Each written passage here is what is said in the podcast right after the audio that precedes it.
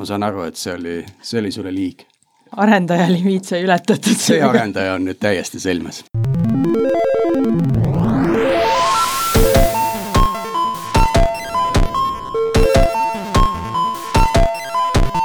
tere tulemast kuulama Algorütmi podcasti kuuendat episoodi. täna, kaheteistkümnendal detsembril on stuudios Tiit Paananen Veriffist, Priit Liivak Nortalist ja meie hea külaline Helena Jeret-Mäe Nevercode'ist. Aga nüüd enne kui alustame, Priit, kuidas sul puhkus möödus? kuule, väga mõnus oli, ma olin terve kuu aega eemal. ja, ja sellest õnnestus olla terve nädal niimoodi, et ma ei vaadanud mitte ühtegi ekraani, kaasa arvatud enda telefoni oma mitte et äh, soovitan kõikidel proovida, isegi ärge nuputelefoni kaasa võtke. päris veider elamus on, kui sa selle pärast esimest korda sisse lülitad. see on ilmselt selline nagu, äh, mida, mida siis vanem generatsioon kogeb, kui nad oma esimese telefoni saavad näiteks. Täiesti võõras. nädalast piisas, et. nädalast piisas. võõrutada sind välja sellest. jaa, ja võib-olla, võib-olla nüüd olen vähem ekraanidega ka, võib-olla. väga hea, aga tere tulemast tagasi ja, ja täna meil on stuudios siis Helena, tere tere! ja Helenaga räägime täna siis eh, testimisest. Eh, aga enne kui alustame, mõni sõna äkki endast ja Nevercode'ist. mina olen testimisega kokku puutunud viimased üheksa aastat, ma alustasin dokumenteerijana sellises kohas nagu Raintree ja sealt liikusin edasi testimisse, minu ülesandeks oli üles ehitada testimistiim, tollel hetkel ma ei teadnud sellest mitte midagi, nii et eh, seda põnevam. ja üle aastate olen siis tegelenud testimise, kvaliteedi teemadega, koolitamise teemadega. mulle meeldivad inimesed enamasti, nii et mulle meeldib aidata ka neil areneda ja protsessid, kuidas saada parimat tulemust, et nende teemadega tegelesin Raintree's ja ka Nortalis ja siis ka äh, mõnda aega Nevercode'is. ja Nevercode äh, pakub äh, toodet, mis aitab efektiivselt mobiiliäppe arendada ehk siis CI-CD äh, jooksutad testid, lükkad üles, kuhu vaja, saad tagasisidet kiirelt äh,, ühesõnaga väga hea mugavusteenus äh, eelkõige mobiiliäppidele. okei okay,, Nevercode'i vaatame veel tulevikus sisse uuesti, aga aga üritaks nüüd tänases saates Coopis kokkuleppele jõuda, et et minu käsitluses testimise teema jaguneb nagu kolmeks, et on selline quality control, mis on suht mehaaniline testimine, sisaldab manuaalset komponenti. Eh, siis quality assurance, kus eh, kvaliteeti tagamiseks eh, fokusseeritakse just protsessidele ja süsteemidele. ja siis quality engineering, mis on, on ütleme testimise ja deployment'i automatiseerimine ja ja eh, kõik see, mis eh, ühendab eh, arendajat siis nii-öelda operations'iga ja sinna vahepeale jääv. kas olete sellise käsitlusega nõus või me peame siin natukene veel vaidlema? No. ma arvan, et sellest quality control'ist me täna väga palju ei räägi. jah, ilmselt, kuigi minu jaoks on nad äh, kõik suhteliselt läbi põimunud omavahel, et äh, päris raske on opereerida neid ükski, üksteise küljest niivõrd lahti, et et ühtegi neist ei puuduta. et minu ainuke selline ääremärkus on jah, äh, terminiga assurance ja quality, sest et kas see on natuke nagu niisugune ropp sõna nagu programmeerija või ei, see ei ole ropp, see on petlik et äh, kuna see quality ja assurance kokku panduna mõjub nagu mingi uimasti kohati inimestele, et äh, oo, meil on väga ühtemoodi defineeritud, üheselt mõistetav kvaliteet ja jumal tänatud, keegi tagab seda meile, me võime lihtsalt minna lasta, siis, ähm, siis see uimastavast aspektist tahaks nagu eemale hoida, et, et ei, ei räägi sellest kui mingisugusest äh, võluvahendist, mis siis lahendab kõik kvaliteediprobleemid ja ma ütleks lihtsalt minu jaoks isiklikult äh, quality assurance jah, keskendub kindlasti protsessidele, meetoditele, palju ka tiimitööle, mis on nagu noh, protsessi osa, aga kvaliteeti mõjutavad ka paljud see tarkvaraarenduse välised otsused nagu värbamine, äh, koolitamine, kompetentsid, eelarve, ehk siis kogu ka see äripool, kus tehakse need ju-, juurest algavad otsused, mis tegelikult pärast mõjutavad väga-väga tõsiselt seda, missugusele kvaliteeditasemele me saame selle toote üldse viia. Lähme korra vaatame ajalukku tagasi, et äh, tegin ka natukene eeltööd ja ja läksin päris esimesse hetke, noh, me kõik teame seda legendi, et kuskilt arvutist leiti bugi, eks ju, ja tal olid tiivad.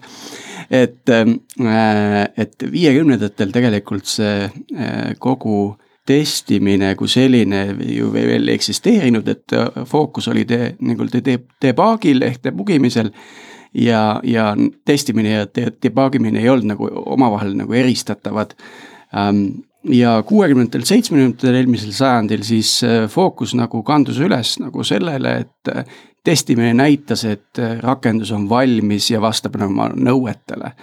Ja siis seal vahepeal enne kaheksakümnendat oli ka kiire selline lõhkumise periood, kus kus äh, tuli, tuli mõttesse, et testimise eesmärk võiks olla nii-öelda äh, see äh, rakenduse äralõhkumine, et kui see lõhkumine õnnestub, siis ja vea leidmine õnnestub, siis on kõigil jube hea meel aga see tegelikult oli hästi lühidalt ja, ja edasi vahetus siis kaheksakümnendatel, kui juba ka PC-d läksid kasutusse, ütleme evalueerimise periood algas, kus siis üritati just võrrelda nagu nõudeid ja leitud, äh, äh, ühesõnaga üritati äh, rakenduse toimimist võrrelda nende esitatud nõuetele ja leida need vead või ennetada neid vigu. kas sa leidsid ka selle koha üles, millal testija kui selline eraldi roll äh, siis e-, esimest, esimesena välja ilmus, sest tõenäoliselt seal viiekümnendatel, kuuekümnendatel päris sellist rolli ei, ei defineeritud? see on hea küsimus, vanasti ju arendaja istuski selle mainframe'i kõrval või koguni sees, eks ju et noh, see oli tuba täis arvutit, eks ju, ja arendaja istus seal sama nii-öelda koodiga sealsamas ruumis. ja arendaja nimi oli Computer, ma tuletan ka meelde jah, et, et äh, mingil hetkel ta tuli sealt äh, ruumist välja, sai PC taha ja tekkis võimalus nagu anda tööd teisele nii-öelda distsipliinile üle. et eks ta ilmselt kuskil seal ennetava faasi alguses äh, oli, sest ütleme, kahe, kaheksakümnendatel koos nii-öelda PC tarkvaraga Äh, ja selle laiema levikuga kaasnes nagu see tegelik vajadus ka testimist rakendada, sest enam ei olnud võimalik seal karbis seda äh, floppy diskil olevat tarkvara ära parandada. ja, ja ilmselt ta seal kuskil tekkis. nüüd kaheksakümnendatel see manuaalne testimine oli peamine ja kose mudel nii-öelda arenduses kasutusel, aga üheksakümnendatel juba läks äh, vaikselt automatiseerimine käima ja hakati proovima uusi arendusmetoodikaid kuni siis kaks tuhat üks Agile manifestoga tegelikult äh, sai alguse nagu noh, testijate jaoks kindlasti äh, oluline periood, kus äh, mindi oluliselt rohkem automatiseerimise peale, kogu tarkvaraarendus muutus iteratiivseks. ja noh, tänased viimased kümme aastat me elame nagu laias laastus sellises äh, maailmas, kus, äh, kus manuaalsel testija roll on pidevalt vähenemises mis on muidugi ohtlik väide, aga automatiseerimise ja automatiseeritud äh, testimise osakaal on järjest suurenemas kuni, kuni selleni välja, et, et on ettevõtted, kes väidavad, et nad ise ei testi üldse, vaid kõik, kõike testib, testib automaatsed testid. ja mis on veel huvitav, et nagu tulevikku vaadates, siis noh, praegu on just püstitatud hüpotees, et hakkab arenema selline valdkond või kildkond kui automaatne või autonoomne testimine ehk siis masinad suudavad jäljendada erinevate rakenduste vahelist informatsioonivahetust ja ka kasutaja tegevust, ilma et inimene sellesse sekkub. miks te nüüd ei, mu monoloogi ei rikkunud? ilus oli kuulata kõik oli, kõik tundus täitsa õige ju no selles mõttes, et eks neid ähm, äh, elemente varasemast on ju tänagi ja selle nii-öelda noh, see manuaalne versus automaatne testimine, see on täitsa omaette arutelu. ma arvan, et see ongi see, et järjest rohkem on vahendeid saadaval, mida kasutada, nii et äh, pigem on siis äh, see, et testijad, testijatel on palju rohkem vahendeid ja tööriistu, mida kasutada. testimine kui selline on siiski ajukeskne protseduur äh,, kognitiivne ah,. siit ongi tegelikult hea hüpata edasi Äh, järgmise aspekti kallale, milleks on siis nii-öelda erinevad koolkonnad. kõik oleme hästi kursis nagu sellise analüütilise koolkonnaga või analüütilise kooliga, kus, kus testimine põhjalik ja, ja puhtalt tehnilistest nõuetest lähtuv.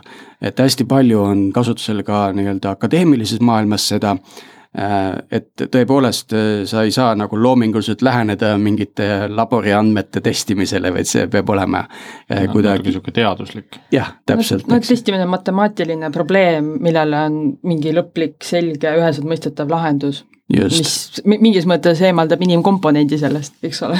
jaa, ja siis on see nii-öelda kvaliteedikool, mis on tegelikult kõige suurem, kus on äh, see testimine on iseenesest nagu protsess ja jälgitakse siis arendajat ja ja QA on mingis mõttes gatekeeper, et see on sellest nii-öelda waterfall'ist meile nagu nii-öelda pärandina jäänud, eks ju.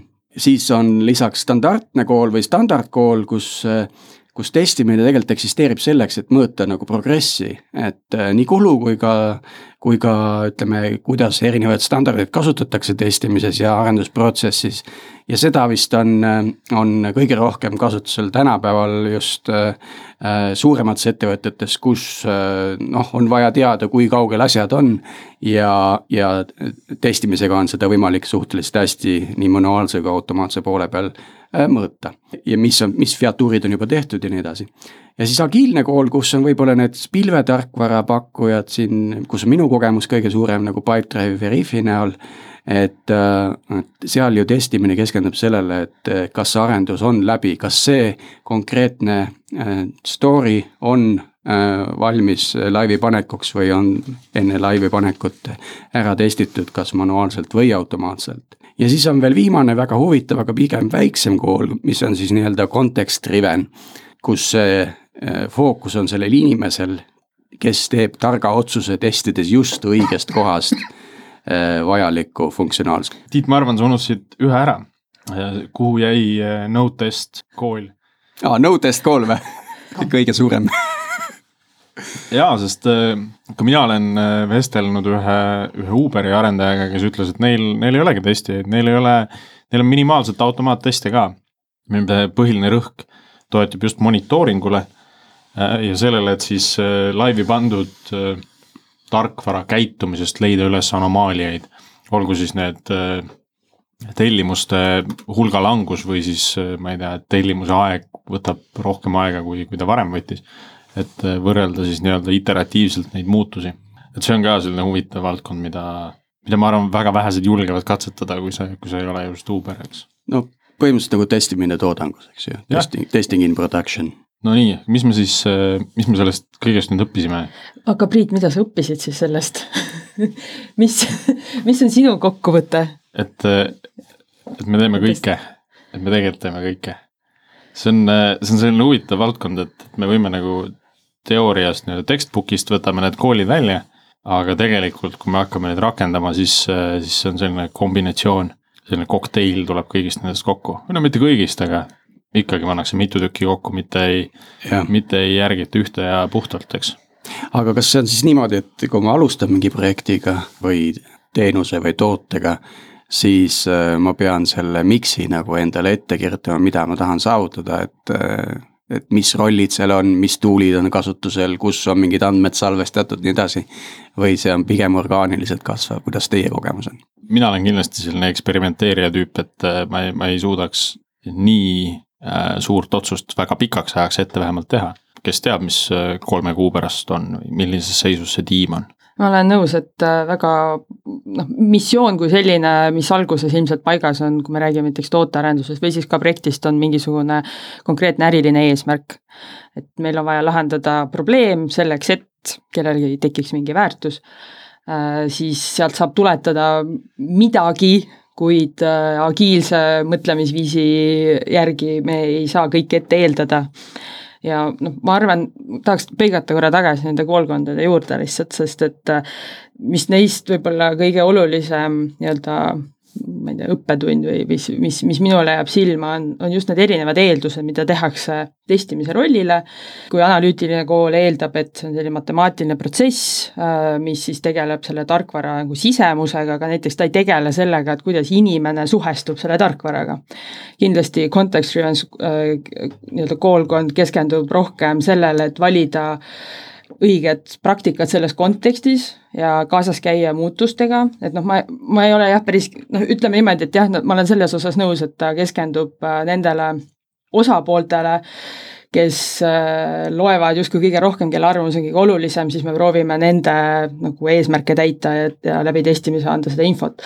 aga, aga context-driven testimises kindlasti väga oluline roll on just selle inimese ja tarkvara suhte uurimisel ka ja seal on suhe, sest inimestel on emotsioonid, tarkvara võib neid vihastada, me midagi armastame, midagi vihkame, et, et see on, see on lihtsalt üks lisaaspekt seal.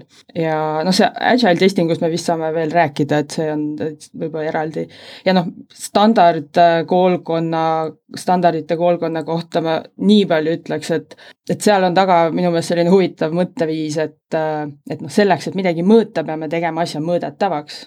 Ja jutumärkides tänu sellele on tehtud, ma ütleks testimisega natuke jubedaid asju, sellepärast et millal ma silmas pean, on siis see, et kui ma ütlesin enne, et testime see kognitiivne tegevus siiski ja selle üks väljund võib olla see, et ma teen dokumentatsiooni ja ma panen mingeid asju kirja, siis selleks, et mingites koolkondades muuta testimine mõõdetavaks, on siis äh, mõeldud välja test case'id, sest noh, need on nagu oad, eks ole, või või ma ei tea, kivikesed rannal, mida ma saan kokku lugeda ja siis, kui mul on palju-palju-palju, siis mul on tore tunne, et ma olen palju-palju ära teinud. ja siis ma saan mõõta protsente, aga see ei ütle meile mitte midagi selle kohta, kas need kivikesed on võrdselt head, võrdselt olulised äh, ja samamoodi ka no, seda, et kas me tõesti kõik järgi. need, kuidas? sa saad ju need suuruse järgi ära jagada ja see, panna eraldi kastidesse ja, ja öelda, kellele meeldib organiseerida ja..., siis see on ju nii tore, aga kas, aga mida see ütleb meile kvaliteedi kohta? eriti mitte midagi. nii et öö, äh, otseselt ei ole jah, ükski koolkond vale, lihtsalt peab aru saama, kustkohast see mõtteviis tuleb ja see aitab meil teha paremaid otsuseid selles osas, mida me siis, millise lähenemise me tahame ise võtta. Mille järgi siis seda otsust teha? et siis selle tarkvara tüübi järgi või liigi järgi, et mida me siis arendame? noh, näiteks, et kui me teeme, ma ei tea, masinõpet, mis on hästi-hästi tehniline ja matemaatiline, et kas pigem peaks kalduma just nagu selle analüütilise ma ei, ma ei, ma ei ütleks, et sa valid koolkonda, sa tegelikult valid ikkagi meetodeid äh, ja strateegiat et see, kus see inspireeritud on, on nüüd noh, minu jaoks on see koolkonna küsimus teisejärguline, et äh, see võib-olla kunagi viis-kuus aastat tagasi oli kuidagi ka mulle oluline, praegu on see sellel tasemel oluline, et saada aru ajalooliselt, kust need mingisugused lähenemised tulevad, kust need meetodid tulevad, kust nad tulevad, aga praegu on see noh, mina olen nagu südamest olema kontekstiline, sest äh, kontekstist tuleb valida asju ja minu äh, see filoloogiline taust aitab ka sellele kaasa, et minu jaoks on kontekst on kõik. ja vastavalt sellele, mis seal on, siis me valime, et ei ole ühte best practice'it või ühte õiget universaalset vastust, kuigi see on asi, mida inimesed kohutavalt tahavad saada igalt poolt. Tiit, me oleme siin äh, varasemates episoodides äh, täpselt ei mäleta mitmendas, aga millalgi me jõudsime ka sinna, et kuidas siis seda arendaja produktiivsust mõõta ja hinnata, eks.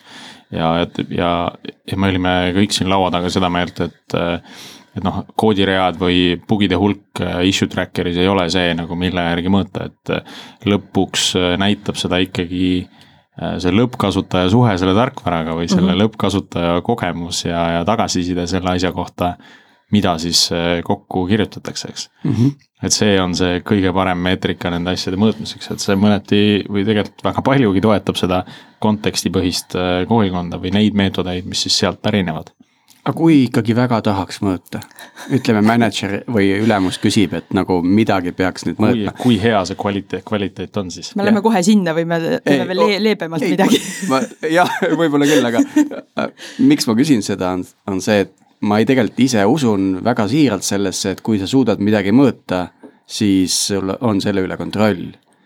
kui sa oma protsessist suurt osa ei suuda mõõta, siis sa ei oma selle üle kontrolli sa oled lihtsalt äh, go with the flow, vaikselt ulbid jões, eks ju, sa ei tea, kui kiiresti, kuhu suunas sa lähed, nii edasi, eks ju.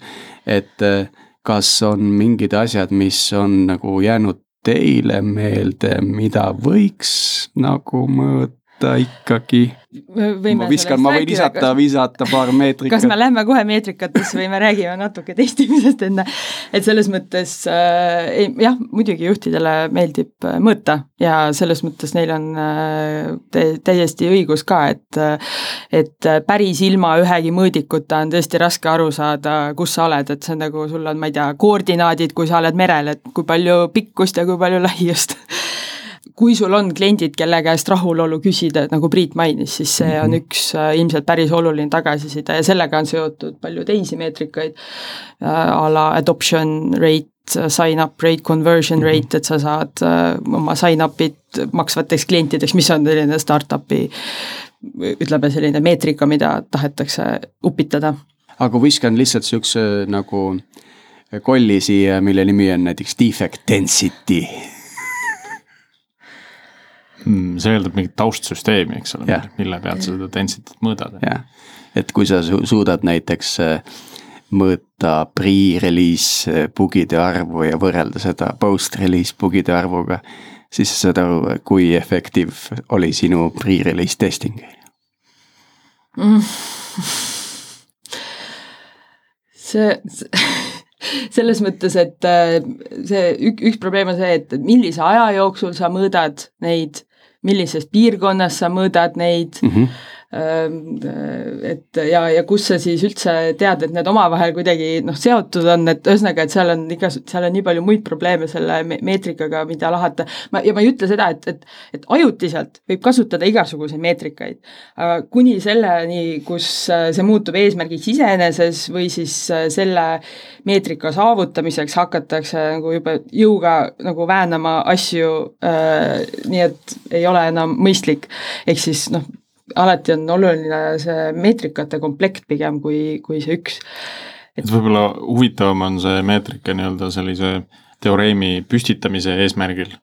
et küsimuste küsimuse jaoks. esitamiseks, et sa leiad mingi meetrika ja siis küsid, et äh, miks see, miks see number on selline, nagu ta on, äkki mm -hmm. siit koorub mingisugune probleem Just. mida oleks vaja lahendada. või siis sul on ka, sul on mingi hägune tunne, et äh, siin on vist probleem Äh, mis võiksid olla kolm esimest asja erinevates kohtades, mida me saaksime mõõta lihtsalt, odavalt, noh, selles mõttes lihtne ja odav on oluline, et need andmed kogunevad niimoodi, et ma ei pea kõvasti manuaalselt tööd tegema. ja, äh, ja et nad oleksid rutiinselt saadaval ka, eks ole, et äh, muidu on vastasel juhul, keegi peab tegema palju tööd ja siis see on igav ja siis me jätame selle kõrvale Helena, palju sinu käest on küsitud seda, et noh, et kuidas see kvaliteet on siis nagu täna? oi no, jaa, ei, seda küsitakse oleme küll. oleme projektis sees, kuidas siis on, et kas nüüd on hea kvaliteet või? kas nüüd on hea, mis sinu jaoks hea on, kas sa tahad sellest rääkida äh, muidugi küsitakse jah, on, on, on küsitud ja kunagi ammu, kui ma alustasin no siis ma kasutasin ühte meetrikat, mida ma tänapäeval ei kasutaks enam, aga siis noh, esiteks ma lihtsalt ei teadnud eriti palju, ma sain aru, et see on vale, aga ma pidin seda tegema, sest teised inimesed ei saanud aru äh, millestki muust, oligi bugide number millega ma pidin uimaseks lööma, et vaadake, meil on siin viiskümmend seitse bugi, millest viis on showstopperid, kümme on kriitilised ja siis ülejäänud pahn segab kasutajaid, et see on selline tähelepanu tõmbamise tööriist, eks ole? Jah, et noh, see, selles mõttes jah, ma tõmbasin tähelepanu, eks ole, sellele, et, et see tehtud töö kvaliteet on madal äh,, lihtsalt äh, see oli selline nagu trummi hästi kõvasti tagumine, et tollel hetkel oli see nagu ainuke argument, mida keegi, keegi üldse kuulas. edaspidi ma üritasin sellest muidugi eemale liikuda, sellepärast et äh, see arv, noh, nagu ma rääkisin, kivikestest, kivikestest rannal, see arv iseenesest ei räägi tegelikult midagi, vaid edaspidi oluliselt äh, oli oluliselt äh, tähtsam meetrika näiteks see, et kui kaua hakkasid asjad aega võtma, et saada siis nii-öelda kliendile asi laivi ja, ja muud sellised küsimused, et. no seal tekib äh, natuke nagu sama probleem, et need kivikesed, mis sealt liinilt tulevad, ei ole päris ühesuurused just, just. ja ikkagi on seda kognitiivset jõudu vaja rakendada, et hinnata, et kas. just, just, ehk siis see nõuabki seda ka, et sa, et sa võtad selle meetrika ja, ja selles mõttes küsidki, et is there a problem here. et äh, ja sinna juurde, noh, kui me räägime sellist, noh, sellisest tööprotsessidest, siis näiteks minu jaoks on ka oluline aru saada, milline on tiimi rahulolu et äh, noh, näiteks, et mismoodi nemad tajuvad seda protsessi ja noh, siis sinna juurde saab panna mingeid selliseid Äh, võib-olla natuke subjektiivsed meetrikad, mida mina näiteks küsiks testijate käest, et nii, mitu korda päevas sa pead pidurit tõmbama? Äh, see on see subjektiivne meetrika, et mitu korda päevas sa pead lihtsalt äh, lõpetama testimist, sest sa ei saa rohkem asju teha. Sest sul on showstopper, sest keskkond kukub maha, keskkond kukub jälle maha teenus ei ole kättesaadav andmeid ei ole, andmeid on väga raske genereerida, ma ei saa logisid kätte, logides ei ole neid asju, mida mul vaja on ja nii edasi ja nii edasi ja edasi, et noh, see läheb juba omakorda testability'sse, mis me, millest me saame rääkida test strategy all kuskil mm. -hmm. aga noh, meetrikad on jah, selles mõttes äh, üks selline asi, kus mina otsiks rohkem mitte, mitte seda ühte holy grail'i, vaid äh, mingeid vastuolusid, mingisuguseid ekstreemsusi, mingisuguseid asju, mis on ja näidikutel ja siis ei ole, äh, miks nad tulevad ja kaovad, miks mõned asjad tõusevad ja langevad. et see komplekt on oluliselt informatiivsem otsuste tegemiseks ja just küsimuste küsimiseks.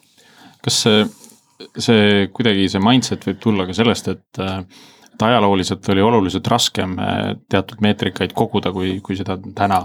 noh, täna on iga nurga alt võimalik seda mm, -hmm. seda tarkvara ja seda protsessi ka vaadata, et kui, kui vaadata, kas siis tööülesannete haldust või seda continuous integration'i pipeline'i, automaatteste, ka monitooringut, mis meil tuleb toodangust, eks, et me saame hoopis rohkem infot, kui, kui me saime varem, et siis tuligi toetuda lihtsatele meetrikatele nagu, nagu bugide arv kuskil, mis on üleval, eks ole sest teisi oli raske saada. ja mul olen eluaeg neid bugisid kokku lugenud, nende prioriteete sättinud ja nende prioriteetide definitsioone. nii palju oled. raisatud elu no tuhandetes ikka, et, et ma mäletan aegade alguses oli, oli Skype'is vist kolm tuhat bugi lahti või.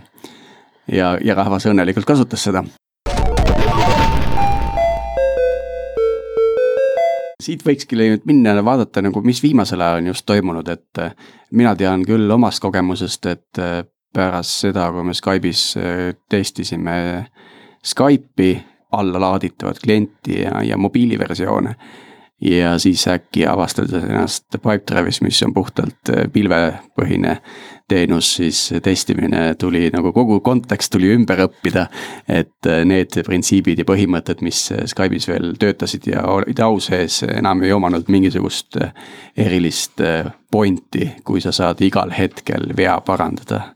serverisse võtab sul aega sekundeid, aga testijale on tegelikult päris palju juhtunud meie agiilse arendusprotsessi kaudu, et mis, kuidas teie kogemus on? Noh, Priit, kuidas on sinu kogemus testijatega muutunud oma aasta, aastate jooksul? ma arvan, kõik, kõige rohkem äh, muutis ikkagi minu kogemus testijatega see, kui me Helena sinuga käisime seal Soomes seal testijate konverentsil.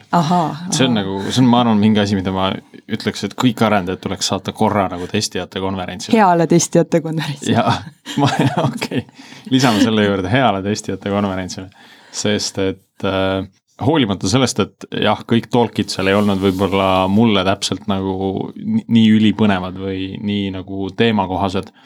Ja ja mõned teemad tundusid sellised abstraktsemad, kui mina arendajana tahaks neid näha, siis sellest hoolimata see, see nägemus nagu sellest, äh, kui lai see maailm sealpool on, äh, see, see nägemus nagu hoopis muutus, et äh, ma arvan, et seda on, seda on rohkem nagu arendajatele vaja aga nüüd sa oled arendajaks ja sul on samas toas, samas tiimis on testija. mida sa näed, et ta peab te tegema sinu jaoks? mida ta minu jaoks peab ja. tegema hmm.? huvitav, selle peale ma täna ei mõelnudki, enne kui ma seda me... no väga hea, tulebki aus jutt noh. aus jutt koha peale, sest ma mõtlesin seda nagu teisipidi, et mida, mida siis tegelikult äh, testi arendajalt ootab. no pidasin, sinna jõuame ka. pidasin mõned vestlused isegi sellel teemal maha. aga ma arvan, et äh, mina arendajana tegelikult äh, no kindlasti ma ei oota seda quality assurance, et see, see gatekeeper'i roll ei ole seal hea, sest see vastutus ei saa olla ühe inimese või ühe rolli õlgadel, see on ikkagi kogu tiimi vastutus, et kvaliteet oleks kõrge. Äh, noh, mis tegelikult juba natukene defineerib ka seda rolli, et, et, et kuna testijatel on see, on see kompetentsi äh, Nende tugevus, nende tugev kompetents ongi just see testimise valdkond, eks, et siis kui nemad suudavad seda äh, sisse tuua arendajate maailma, ehk siis arendajaid kas siis coach ides, koolitades või öeldes neile, et, et ärme nii tee, äh, sest pärast on seda nagu jube jama testida. Või, või siis, et ärme nii tee, et äh, siis teil on edaspidi ilgelt palju probleeme, eks ole, või siis tuues välja ka mingeid probleemseid komponente näiteks, et kus, kus esineb nagu palju, palju probleeme, mille edasiarendusel võib-olla on mingid riskid või, või millele uute feature ite juurdearendamisel on riskid. et selline nii-öelda sparring partner just nagu teise domeeni osas mm.. mulle õudselt meeldib igasuguseid metafoore tuua, ma praegu mõtlesin just sellele, et kui meil on, kui tehakse uut autot, eks, et siis meil on, on ühelt poolt on see disainer, eks ole, kes selle asja kokku paneb. Siis on insenerid, kes, kes võib-olla oskavad seal öelda, et millist tugevust teatud talad kuskil ukse sees pakuvad, eks. aga kuskil peab olema keegi siis veel kes oskab öelda, et kuidas me seda tugevust siis nagu testime, et, et kõik need talad omavahel kokku töötaks ka, et noh, üks tala võib olla nii tugev. aga kui neid on kolm tükki nagu erinevas asetuses, et kuidas see siis nagu tervele sellele äh, struktuurile mõjub, eks, et noh, et see ongi, see ongi tegelikult osaliselt see, mida testijad ka peavad tegema, et vaatama seda tervikpilti, eks ole, natuke rohkem. ja seda mitte ainult siis nagu selles võtmes, et kas see töötab või mitte aga ka selles võtmes, et kui üks ots läheb katki, et mis siis teise otsaga juhtub ja kas need otsad näevad ühesugused välja ja tunduvad kasutajale nagu ühtemoodi mugavad, eks. et see on see, see on see asi, mida äh, arendaja, kes seal masina sees istub, tihti ei näe mm. -hmm. sest mm -hmm. Kuidas tema sind aidata saab, ma mõtlen, vaataks niimoodi, et sul on testija tiimis või ei ole, kuidas sinu töö erineb? ma olen saa-, saanud äh, rääkida mõne arendajaga, kes on tegelikult liikunud Äh, siis ettevõtete vahel liikunud sellisesse ettevõttesse, kus testijaid üldse ei ole. ja nende esimene kogemus on tavaliselt selline äh, paanika, selline, selline hirmuhetk on, kui esimene nende kirjutatud kood kuskile toodangusse jõuab, ehk siis see äh, teatava turvatunde see ikkagi loob. Psychological safety ja, mingis mõttes, jah? mingis mõttes, et, et sul on justkui keegi teine veel, kes selle kvaliteedi peale natukene mõtleb aga nad on kõik muidugi seda ka hästi positiivsena välja toonud, et, et sinna nagu ebaturvalisse keskkonda minek pani neid hoopis rohkem mõtlema selle peale.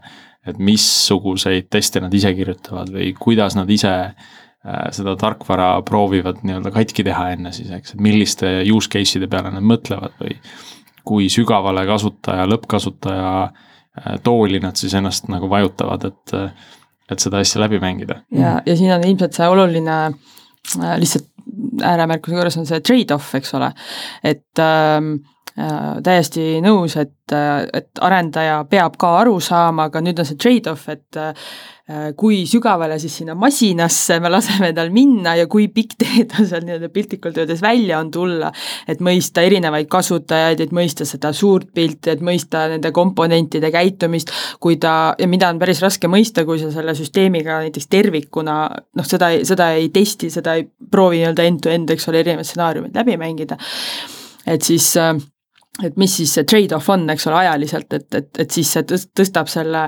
vastutuse ja, ja selle töömahu arendaja, arendaja peale, ma ei ütle, et see on vale, äh, see, aga see ongi see trade-off, et kus siis testija võib aidata natuke offload ida seda, seda, et olla see nii-öelda suure pildi inimene sealjuures, kellega konsulteerida ja kellega siis nagu paaris töötada, sest et, et, et võib-olla seal kuskil on selline hea middle ground või mingisugune niisugune sweet spot, kus siis äh, see, see arendaja nii-öelda kontekstist väljatõmbamise kulu äh, väheneb ja, ja siis testija nagu katab seda muud, muud osa seal ümber. sa natuke kirjeldasid praegu seda, et äh, mis on selle inimese roll, kelle tiitlis on kvaliteet mainitud, siis selles uues keskkonnas, kus just neid manuaalseid testijaid põhimõtteliselt ei ole, eks ju. jaa, see on, see on ju huvitav, see, see liikumine, et, et kui selles Äh, kui selles Kose mudelis oli hästi palju seda manuaalset testimist sees ja käidigi, tehti regressiooni hästi pikalt, võib-olla nädalate kaupa, enne kui tarkvara kuskile jõudis. ja sina ütlesid ka, et tegelikult see testi roll on, sa ütlesid, et on kahanemas, eks, aga, aga testi roll on tegelikult muutumas, ma usun, et sa mõtlesid sedasama, et mm., et noh, et see liigub rohkem sinna automatiseerimise poole, see liigub rohkem sinna coach imise peale, minu arust Atlassiani ja. postituses kuskil juba Quality assistance, see oli juba neli-viis aastat tagasi vähemalt, jah.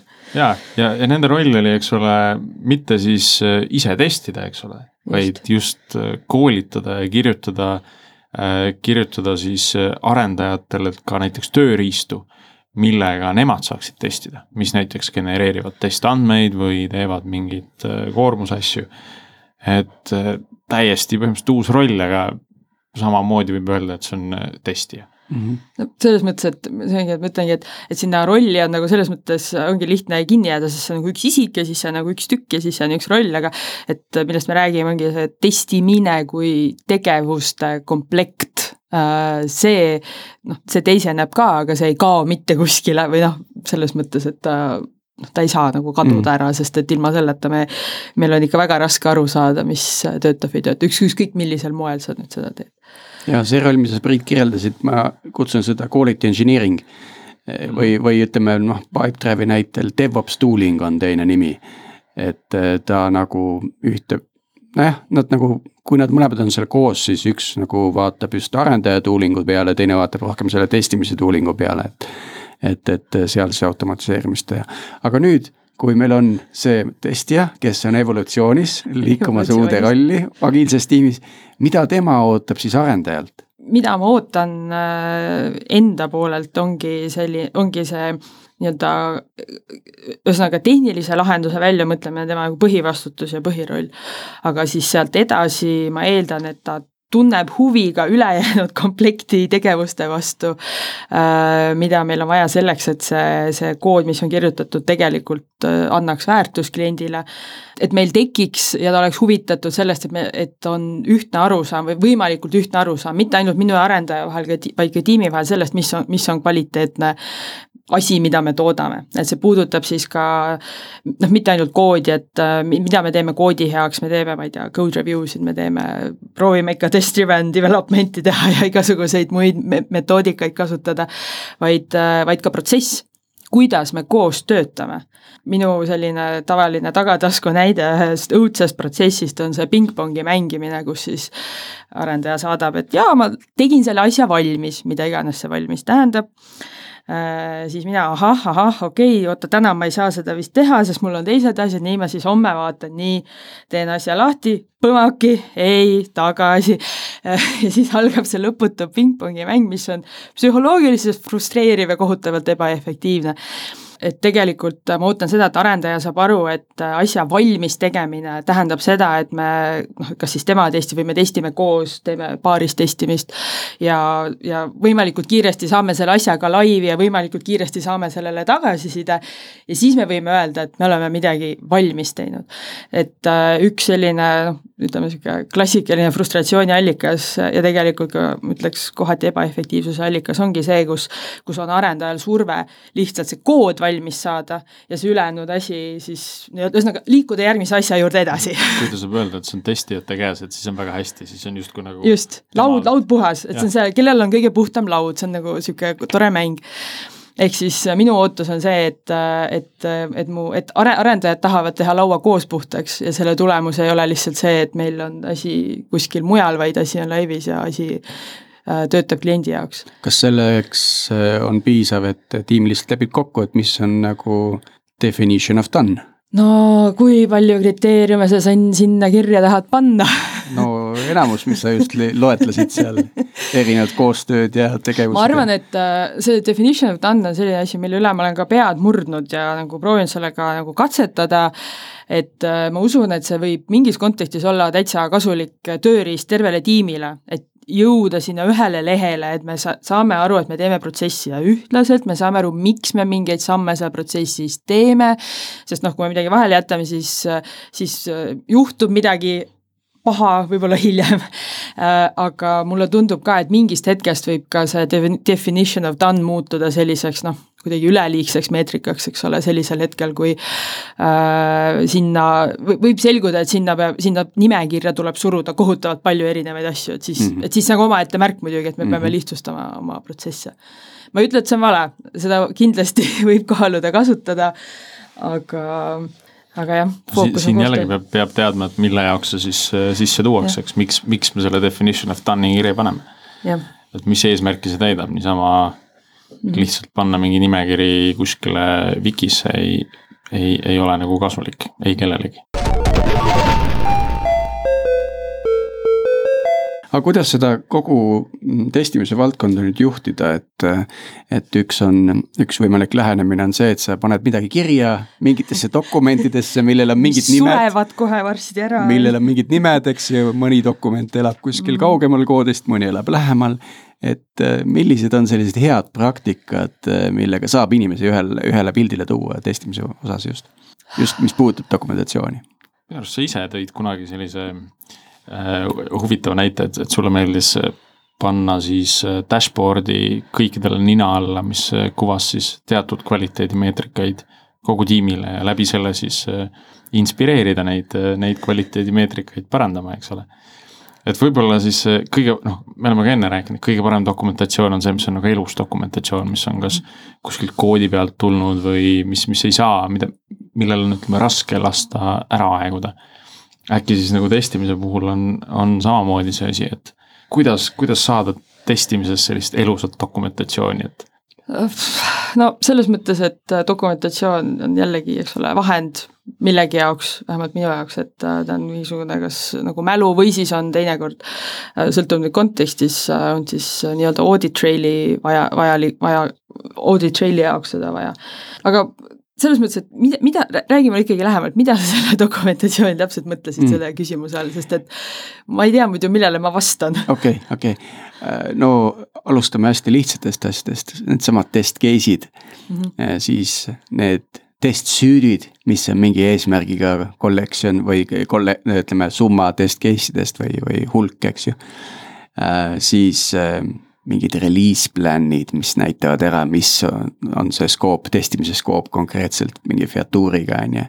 siis võib-olla mingi teenuste testiplaan, mis näitab ära, et mhm. arendajale, et kuidas ma seda teenust peaksin testima. mida siin testitakse, mida ei testita, mhm. mis testkeskkondades seda testitakse, kõik, kõik, kõik siuksed, siuksed asjad, on ju. et kas seal on mingeid, mingeid häid nippe, äh, standardid on selle jaoks ju välja töötatud kõik jah, nende järgimine sellisel kujul, nagu nad on, ilmselt on kohutavalt kallis, kui sa seda käsitsi teed, eks mm -hmm. ole, et et äh, kohut-, väga palju trükkimist mm. -hmm. et ähm, noh, mina, minu lähenemine on dokumentatsioonil olnud küll, et noh, nii palju kui vajalik, nii vähe kui võimalik ja pigem äh, töö käigus, et äh, ma niimoodi ette planeerivat dokumentatsiooni katsun ülivähe tekitada enda jaoks, et et pigem on see mingisuguste märkmete kujul, kui ma testin, kui me räägime sellest, et testija testib. kui meil on nüüd vaja suuremas pildis äh, kuidagi, ma ei tea, track ida seda siis, mida on tehtud, siis noh, automaattestide puhul need juba iseenesest annavad meile selle pildi kätte ja sealt me saame need andmed Äh, muud tüüpi testimise puhul, no jumala eest, post-it'id seina peal on ka nagu väga pädev lahendus, mida eeldusel, et tiim on ühes kohas, ähm, mida saab liigutada, sa saad mingisuguse dashboard'i endale sinna ehitada, et äh, kui sul ei ole äh, selles mõttes võtta nüüd tõesti kergelt kogutavaid andmeid äh, arvutis, siis, äh, siis jumala eest joonista seina peale midagi, mis siis äh, näiteks väljendab, et me oleme seda toote osa katnud nii palju või nii palju. et siin on alati see küsimus, et kui täpselt meil on päriselt vaja seda teada ja kellel seda vaja teada on. ehk siis seda nii-öelda täpsuse skaalat peab reguleerima kontekstis. et mingil hetkel see post-it note'ide süsteem seina peal võib olla väga okei okay ja mingist hetkest ta näiteks ei paku piisavalt infot, sellepärast et me töötame tarkvaraga, millel või, võidakse teha audit ja tahetakse palju täpsemalt teada, mida ja kuidas me teinud oleme. aga see ongi juba siis noh, selles mõttes strateegia osa ja see on ka asi, mis sinna kvaliteedikuludesse või noh, nii-öelda jah, kvaliteedi saavutamise kuludesse tuleb sisse arvestada. et äh, mis muidugi äriinimestele tihtipeale ei, võib-olla ei istu või ei meeldi, et tahaks ju kohutavalt seda, eks ole, vähendada, aga noh, see on juba, siis on see juba necessary evil. mulle kuidagi tundub, et, et tootemaailmas on hoopis rohkem see fookus olevikul, mis, kus me täna oleme, mis see seis täna on ja mida me siis nagu tegema hakkame, eks. noh, sõltub muidugi tootest ka, eks, nagu sa ütlesid, teatud puhkudel on see auditeerimise vajadus nagu täiesti seal olemas, et see ajalugu peab olema säilitatud. noh, see on ka omamoodi selline elus dokumentatsioon minu jaoks, kui, kui ongi tahvli peal terve hunnik nagu sticky note'e, mis näitab seda, et kus me siis täna oleme ja keegi läheb kuuks ajaks puhkusele, tuleb tagasi, vaatab jälle seda tahvlit ja, ja saab, saab nii-öelda võtta sealt endale järgmise, järgmise sticky note'i ja, ja minna edasi nagu selle, selle teemaga, eks. et selle pildi nagu hästi kergesti kätte saada, et aga sellist nagu pikka ajaloolist vaadet, see ei ole selline dokumentatsioon, mida mm., mis ühel hetkel aeguks ära, sest ta aegub kogu aeg ja me lihtsalt nagu tuleme toime sellega, võtame sealt mingid teemad maha ja paneme uued peale. ja noh, selles mõttes see ajaloolise perspektiivi saamine ongi noh jah, mis on sinu check-in kommentaarid, et äh, ühes kohas meil oligi release note'id äh, põhimõtteliselt äh, noh, kerge sellise inimtoimetamise hinnaga, aga genere-, genereeritigi koodi check-in'i notes'ide pealt, et mm -hmm. siis natuke tuli organiseerida seda, kuidas arendajad seda teevad ja siis sealt mm -hmm. tõsteti see info kokku. see info läks ka näiteks lõppkasutajatele. see on jube on... hea ühendus, kui arendaja saab tegelikult aru, et tal on päriselt võimalik nagu mõjutada ja tema, tema kommentaar läheb lõpuks sinna release notes idesse ka, et ikkagi see dokumentatsiooni teema mis sul selle dokumentatsiooniga äh, Tiidule meeldib dokumenteerida. ei, ma mõtlengi. ei, mina, minu väide on see, et ja see ei ole minu väide, ma tsiteerin siin. klassikuid. tundmatuks jääda soovivat isikut, et dokumenteerimine väga hea viis õppida. isegi ma olen. endise dokumenteerijana ma võin osaliselt kinnitada jaa, ma olen ka kirjutanud mõned read koodi ja paar kuud hiljem ma ei saa üldse aru kes seda tegi ja miks ta seda nii tegi, eks ju. et testimisega veits ma arvan sa, sama lugu, et, et kui sul seda plaani ikkagi ei ole mm, -hmm. mis ütleb, et mis kontekstis sa testid ja, ja kui palju sa erinevaid äh, lähenemisi rakendad, siis siis sul ei ole ka pärast võimalik kuidagimoodi tõestada, et seda testimist oli siis päriselt no, tehtud se. selles mõttes jah, et, et, et sa ei pea seda kõike ette kirja panema, sest et noh, minu jaoks testimine ikkagi selline, see on nagu avastusretk, eks ole, et, et kui sa võtad selle nagu toote ette ja siis suhtled sellega, on ju. et siis äh, selles mõttes need testimismärkmed on võimalik päris kvaliteetselt organiseerida märksõnade, sümbolite ja muu taolisega ja neid tegelikult ka säilitada, et noh, on erinevaid äh, manageerimise viise, näiteks session-based test management, mis äh, keskendub, ühesõnaga, mille, mis äh, aitab meil aru saada, et millised nagu töö tükid me oleme siis pühendanud millises mahus millisele näiteks komponendile. et oletame, et üks, üks sessioon on poolteist tundi, siis sessioon märksõnaga ma ei tea, mingi logi, sisse logimine. Mm, -hmm. et äh, sinna kulutasime näiteks viis sessiooni, noh, see on muidugi päris kahtlane, eks ole, kui viis sessiooni läheb sisse logimisele, ja siis sellega seostuvad mingisugused märkmed näiteks, et noh, et see on lihtsalt üks viis, kuidas on testimist organiseeritud. Ja no see, see siis on ka suhteliselt piisav juba selleks, et siis tagantjärele aru saada, mis on toimunud. Ja noh, testi, testimise planeerimine äh, noh, planeerimine ja siis on teststrateegia, et need on Nad no ikkagi erinevad asjad, jah, tegelikult ju keerlevad kõige rohkem ka riski ümber. et noh, miks me üldse testime, on see, et kuskil on midagi koledat, mis võib juhtuda, et kus mm., kuskil on mingi risk, ehk siis äh, strateegia kui selline on hea hoida äh, kuskil kirja panduna küll, aga kindlasti silma all, sest muidu see sureb mm -hmm. ja selles mõttes teiststrateegia ei ole dokument, teiststrateegia on see, mida me päriselt teeme mm. -hmm. et mitte see, mis me kirja panime, et me teeme, vaid kui me siis lähme ja teeme ikka sedasama asja edasi, siis mm -hmm siis noh, meil on väga tugev inertne strateegia. kas ma võin siin märkida, mida ma plaanin teha ja mida me teeme, et siis eri värviga näiteks sest tahaks ikka kirjutada rohkem tuleks ambitsiooni ka. ja just. tuleks ambitsiooni ka jah, no kui see sulle selles hetkes rahuldust pakub, siis jaa, muidugi ja aga noh, ühesõnaga, et, et selles mõttes äh, me räägime nagu teist strateegiast üldse, siis, siis selle, selle kõige olulisem element on tõesti mõelda läbi, mis on meie, nüüd ma kutsuksin neid known unknowns, ehk siis uh -huh. asjad, mida me noh, mille, mille kohta me mingis mõttes küsime, et jah, ei, kas on oluline. a la noh, mis selle mõte on siis see, et, et kui me lihtsalt hakkame kuskile minema ja, ja me ei võta arvesse tooteriske, me ei võta arvesse missiooni, me ei võta arvesse ärieesmärke, me ei võta arvesse tehnoloogiaid, siis me võime lihtsalt unustada ära, et oi, performance oli ka oluline. või et kas keegi security't on vaadanud mm, -hmm. et kuidas meil nagu turvalisusega lood on, ehk siis äh, Äh, see teststrateegia mingi, ta kirjeldab, mida me teeme või noh, millises valdkonnas me te, nagu tegema midagi peame testimise mõttes, kuid ta kindlasti väga täpselt ei pea ütlema, kuidas, milliseid samme sa pead tegema mm. -hmm. ja siis äh, aeg-ajalt tuleb seda jah taaskülastada, et kas turvatestimise on endiselt fookuses või või, või fookusest väljas mm. -hmm. sa mainisid siin neid äh, testing note'e, mida ei justkui siis nagu testimise käigus tegelikult äh, oleks ju hea kirja panna, et mis jätaks Just. selle jäljega maha. Äh, mina arvan, et see on täiesti asi, mida peaks äh, ka arendajad kirja panema, et kui nad, kui nad siis ühel hetkel leiavadki, et see, mis ma nüüd tegin, on valmis et miks mitte sinna siis panna paari-kolme bullet'iga kirja, et mis asjad ta siis läbi käis, et kuidas ta seda asja testis. et, et testil oleks nagu teatav sisend juba olemas, et, et hästi palju on arendajate peas või teadmises selliseid fakte, mis tegelikult tuleks hilisemal testimisel kasuks. et mingid case'id, mida ei saagi juhtuda, sest nad on juba kuskil down the line nagu ära kaetud, eks ole.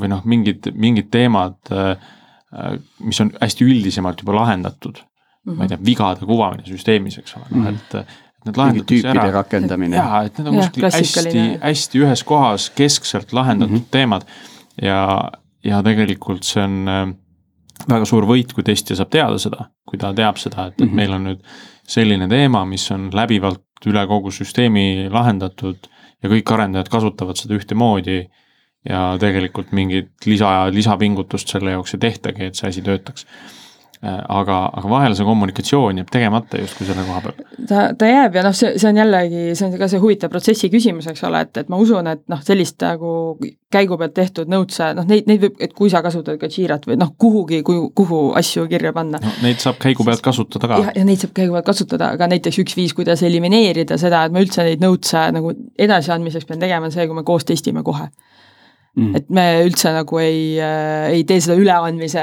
äh, nagu mm, -hmm. nagu ja. faasi läbi.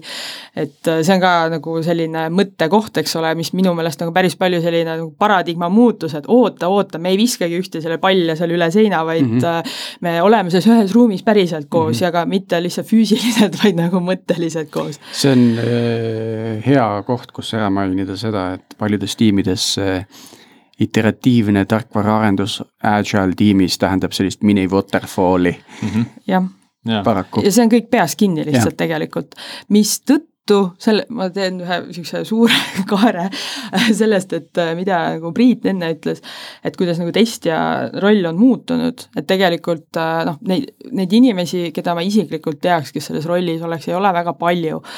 aga ma olen noh, mõnega rääkinud, üks mu hea sõber on test coach ta on rootslane, ta töötab Rootsis sellises firmas, mis toodab äh, nagu jälgimisseadmeid, kaameraid ja seotud tarkvara ja tema on seal test coach.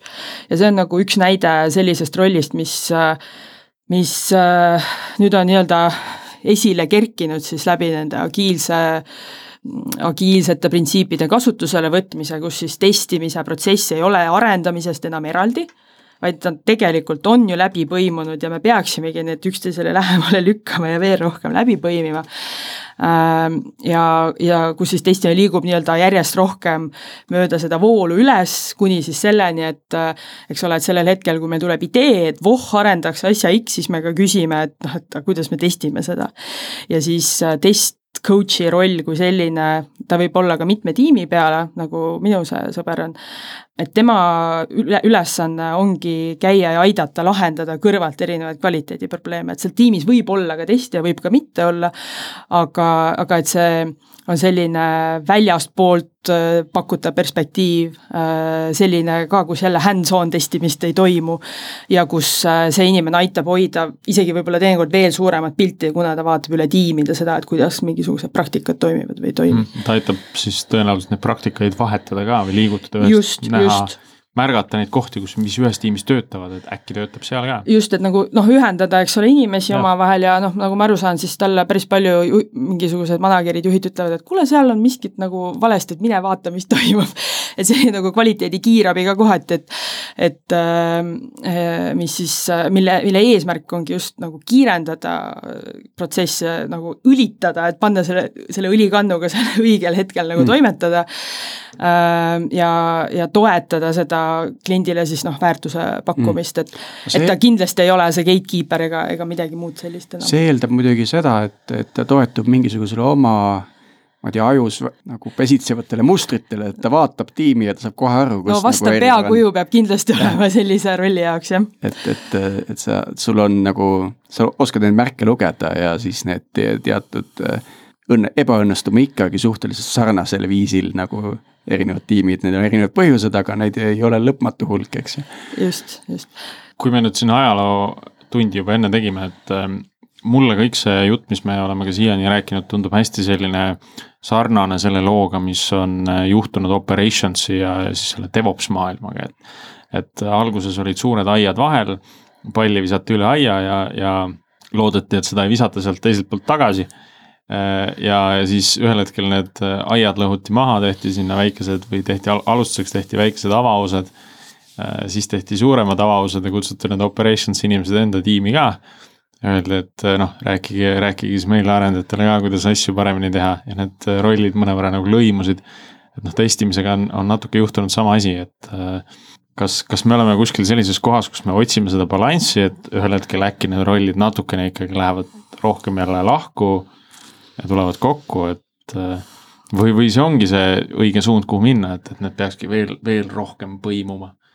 mulle tundub, see on, aga see on lihtsalt minu selline kõhutunne erinevate nagu teadmiste pealt on see, et et miks need, äh, miks see nii-öelda, nii-öelda see siis äh, agiilse nii-öelda see agiilne revolutsioon, ütleme ikkagi, et see oli ikka väga, väga põhimõtteline muutus, mulle tundub, või noh, kuigi osad ütlevad, et me juba kaheksakümnendatel töötasime agiilselt, vähemalt mõned selle aja inimesed on mulle seda rääkinud, nad natuke on küsimärgid pea kohal, et mis te räägite siin, aga et et äh, siin ei ole küsimus ainult sellest, mida tarkvaraarenduses töötavad inimesed soovivad ja otsivad ja tahavad, vaid äh, küsimus on selles kontekstis, kus see tarkvaraarendus toimub, et ongi see noh, et kon-, konkurents äh,, need teenusetüübid, mida inimestel on vaja pakkuda, et noh, tõesti nagu Uber ja Bolt ja Wolt ja kõik, mis nagu praktiliselt kakskümmend neli seitse väga erinevates tingimustes peavad olema inimestele kättesaadav, siis see dikteerib väga palju juba seda, milline protsess saab üldse pakkuda sellist tulemust, mida mm -hmm. nendel äridel vaja on.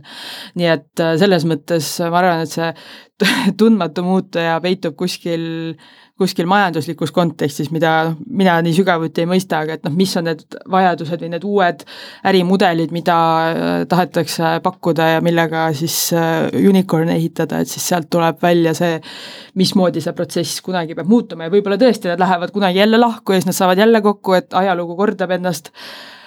mina õnneks ennustamisega ei tegele sellises mahus kui tulevikku vaadata, siis äh, tasub alati panna ennast sellesse mode'i, et et vaadata mitte otsa asjadele, mis paistavad äh, hästi tuttavad, vaid pigem vaadata otsa asjadele, mis nagu on isegi ehmatavad teatud mõttes.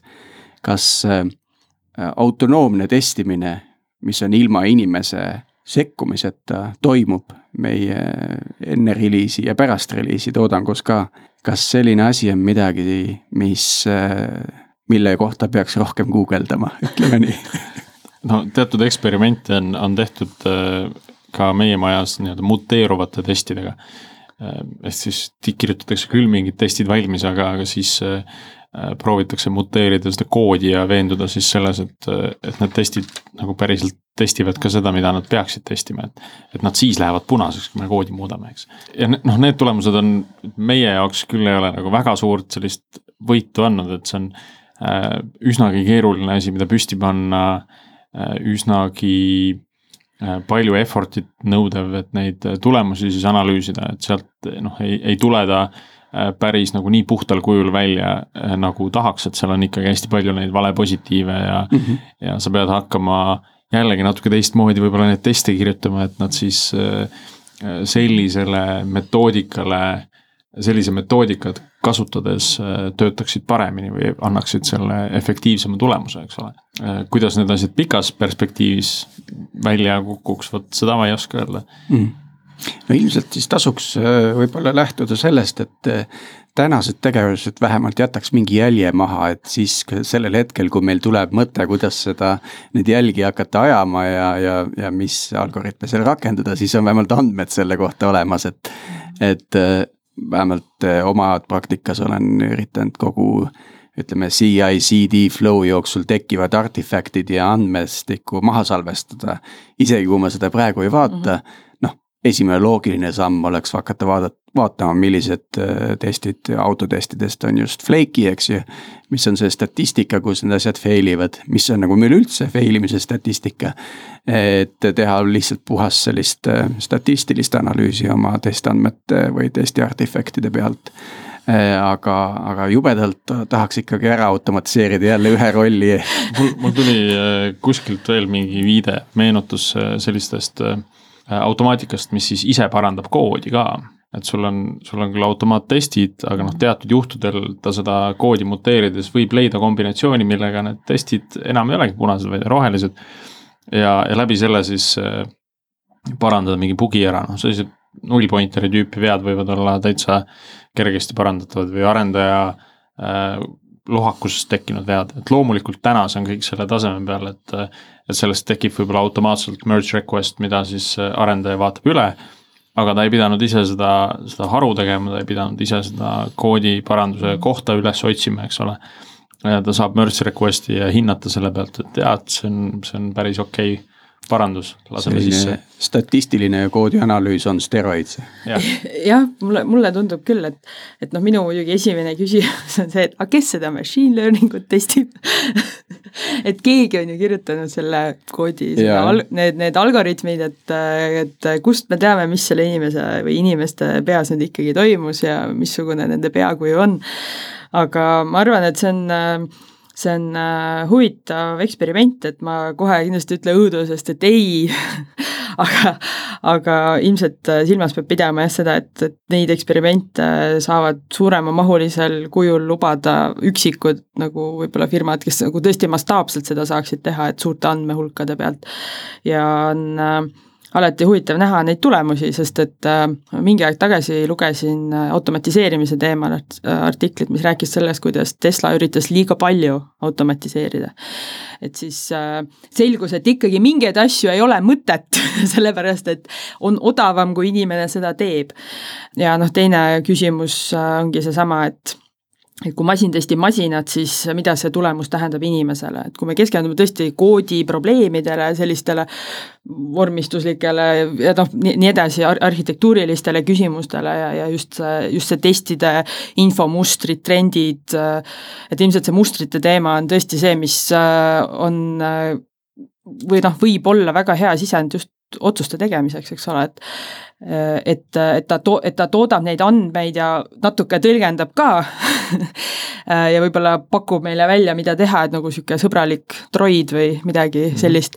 et äh, miks mitte, sest et äh, mulle noh, on süsteeme, mida on lihtsalt väga raske testida mm -hmm. ja noh, mille koht-, kes viitsib guugeldada, siis võib guugeldada, selle teemal on kirjutatud, et testing non-testable systems, äh, sest et äh, suurt, noh teatud süsteemide puhul ja, ja ka andmehulkade puhul meil on väga raske äh, aru saada, et noh, mille põhjal me siis nüüd saame aru, et see asi töötab, et meil tekib oraakli probleem no, näiteks. just nimelt masinaõppes on hästi palju selliseid näiteid, eks ole, kus ongi -hmm. must kast, mingisugune mudel, mis mm, -hmm. mis on õppinud mingil viisil toimetama, aga mis alustel täpselt see otsus tehti, seda sealt tihti välja ei paistagi.